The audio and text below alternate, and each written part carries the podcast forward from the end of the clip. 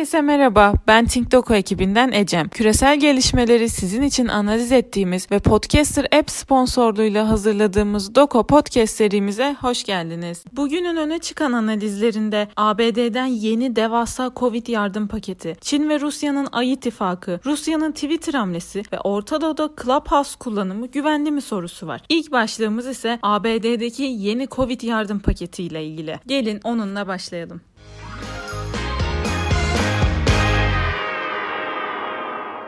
Başkan Joe Biden perşembe öğleden sonra 1.9 trilyon dolarlık koronavirüs yardım paketini imzaladı. Joe Biden'ın en önemli önceliği olarak nitelediği plan hanelere doğrudan 1400 dolara kadar yardım ödemeleri gönderilmesini, haftalık 300 dolarlık ek işsizlik sigortası yardımı yapılmasını, çocuk vergi kredisinin genişletilmesini ve aşı dağıtımını fonlamayı içeriyor. Demokratlar Cumhuriyetçilerin bu pakete ihtiyacı olup olmadığını sorguladıkları için paketi kongrede kendi kendi başlarına geçirmişlerdi. ABD'de yardım paketleri üst üste yasalaşırken bu durum pandeminin ekonomik etkileriyle mücadelede yöntemlerinin tartışılmasını da beraberinde getiriyor. Ancak Biden ve demokratlar yardım paketinin yegane çözüm olduğu noktasında ısrar ediyor. Bu doğrultuda devasa paket Biden'ın ilk yasama zaferi olarak değerlendirilebilir. Diğer yandan bu paket ABD tarihinin en büyük yardım girişimlerinden birisi. ABD federal kurumlarının ise bu paketin içerdiği yüksek meblağ meblağların milyonlarca insana dağıtılması noktasında ne derece başarılı olabilecekleri bir merak konusu olma özelliğini sürdürüyor. Bu anlamda Biden yönetiminin konsolidasyonu arttırması beklentiler arasında. Aynı zamanda piyasaya arz edilen paranın haneler bazında daha fazla kripto para yatırımına yol açmasıyla birlikte durağan politik risk.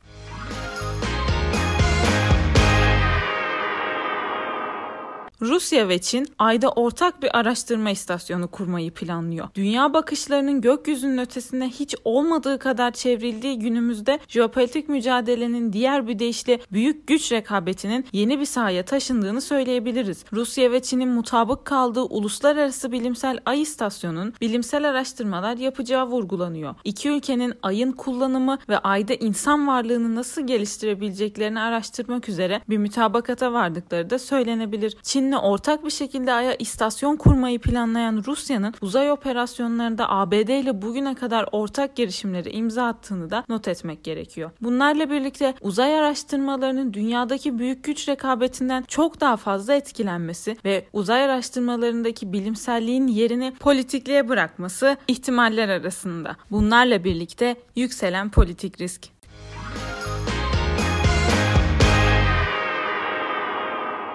Twitter Kremlin'in hedefinde. Rusya'nın internet denetim kurumu Roskopnadzor tarafından yapılan açıklamaya göre Twitter'ın çocuk pornografisi, uyuşturucu ve intihara teşvik yaratacak içeriklerinin silinmesi talebine yanıt vermemesi üzerine hızının yavaşlatılması kararı alındı. Roskopnadzor yetkililerin yasalara uymamaları halinde diğer platformların da hedef alınabileceğini ve talebe uyulana kadar kısıtlamaların yürürlükte kalacağını duyurdu. Twitter'a ve çeşitli sosyal medya araçlarına da yönelik gerçekleşen bu hamle Rusya Rusya hükümeti ve teknoloji şirketleri arasında uzun süredir var olan bir sorunun bir parçası olarak karşımıza çıkıyor. Bu sorunun son dönemde en büyük tetikçilerinden biri ise Navalny'nin tutuklanması. Rus muhalif Navalny'nin tutuklanmasından sonra yaşanan kitlesel protestolar ve Twitter'daki protestoları destekleyici paylaşımlar Rusya'nın bu adımlarının arkasındaki birinci motivasyon. Paylaşımların silinmemesinden ötürü Twitter dahil olmak üzere 5 küresel teknoloji şirketine dava açıldığı da biliniyor. Bu gelişmelerle birlikte küresel teknoloji şirketleriyle Rusya arasında yükselen gerilim ve yükselen politik risk beklentiler arasında.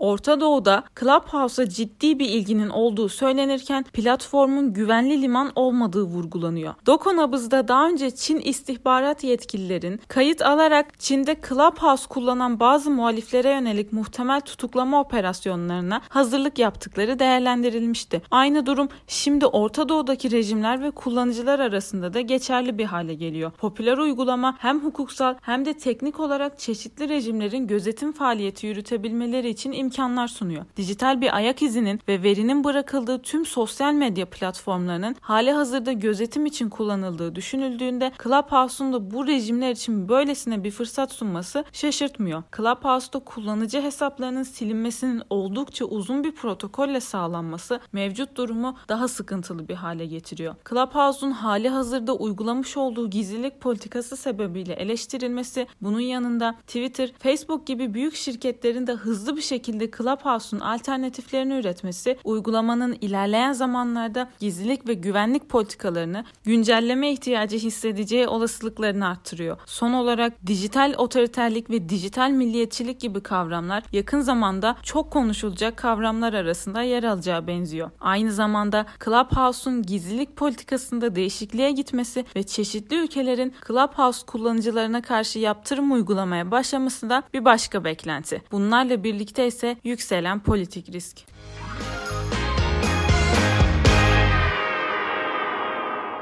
Siber güncesinde hackerlar Tesla, Equinox gibi şirketlerin güvenlik kameralarına sızdı. Güvenlik araştırmacılarının raporlarına göre bilgisayar korsanları Tesla, Equinox gibi şirketler, sağlık kuruluşları, hapishaneler ve bankalarda dahil olmak üzere birçok kurum ve şirketin kameralarına erişim sağladı. Hackerların sistemlere nasıl sızdıklarını anlatan bir görselle birlikte elde ettikleri kamera görüntülerini de paylaştıkları belirtiliyor. Hackerlar adı geçen şirket ve kurumlara güvenlik çözümleri üreten Verkada şirketinin yönetici hesabı sistemlerine sızarak kameralarına erişti. IoT adı verilen nesnelerin interneti tabanlı cihazları ve kameraları ürettiği bilinen Verkoda şirketinin söz konusu sızma operasyonunu engellediklerini belirtti. Nesnelerin interneti adı verilen ve dünyada binlerce şirket ya da kuruluş tarafından kullanıldığı bilinen IoT cihazların güvenliği son dönemde en çok tartışılan güvenlik konularının başında geliyor. Oldukça çeşitli zafiyetler barındırdığı bilinen bu tür cihaz cihazların gelecekte önemli tehditler doğuracağı bekleniyor. Hackerların bu tarz IoT tabanlı kameralara sızması da oldukça kolay bir metotla yapıldığı için dünyada birçok şirket önlemler almaya başladı basit internet sorgularıyla ya da bilinen zafiyetler üzerinden doğrudan sistemlere erişecek hacklenen kameralar büyük tehlikeler doğurabiliyor. Bunlarla birlikte beklentilerimiz arasında öncelikle IoT cihazların zafiyetleri sonucu Tesla gibi dev şirketlerin maddi zarara uğrama ihtimali var. Sonrasında ise devletler şirketlerle işbirliği içerisinde güncel güvenlik önlemleri için adımlar atabilir ve hackerlar gelecekte dünya devi şirketlerin hatta kritik kurumların özel gözetim kameralarına erişip ciddi güvenlik tehditleri oluşturabilir.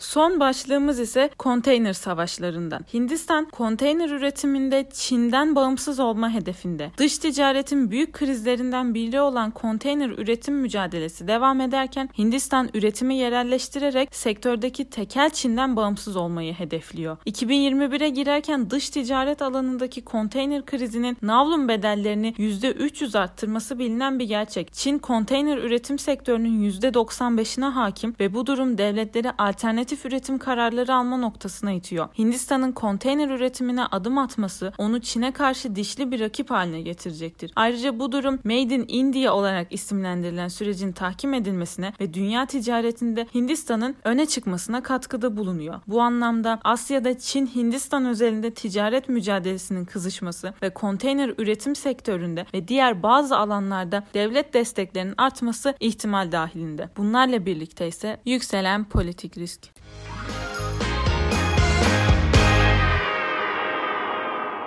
Bugünlük bültenimizin sonuna geldik. Beni dinlediğiniz için teşekkür ederim. Umarım siz de dinlerken benim kadar keyif almışsınızdır. Dünyayı anlamlandırmak için bültenlerimizi takip etmeyi unutmayın. Bir sonraki podcast'imizde görüşmek dileğiyle. Hoşçakalın.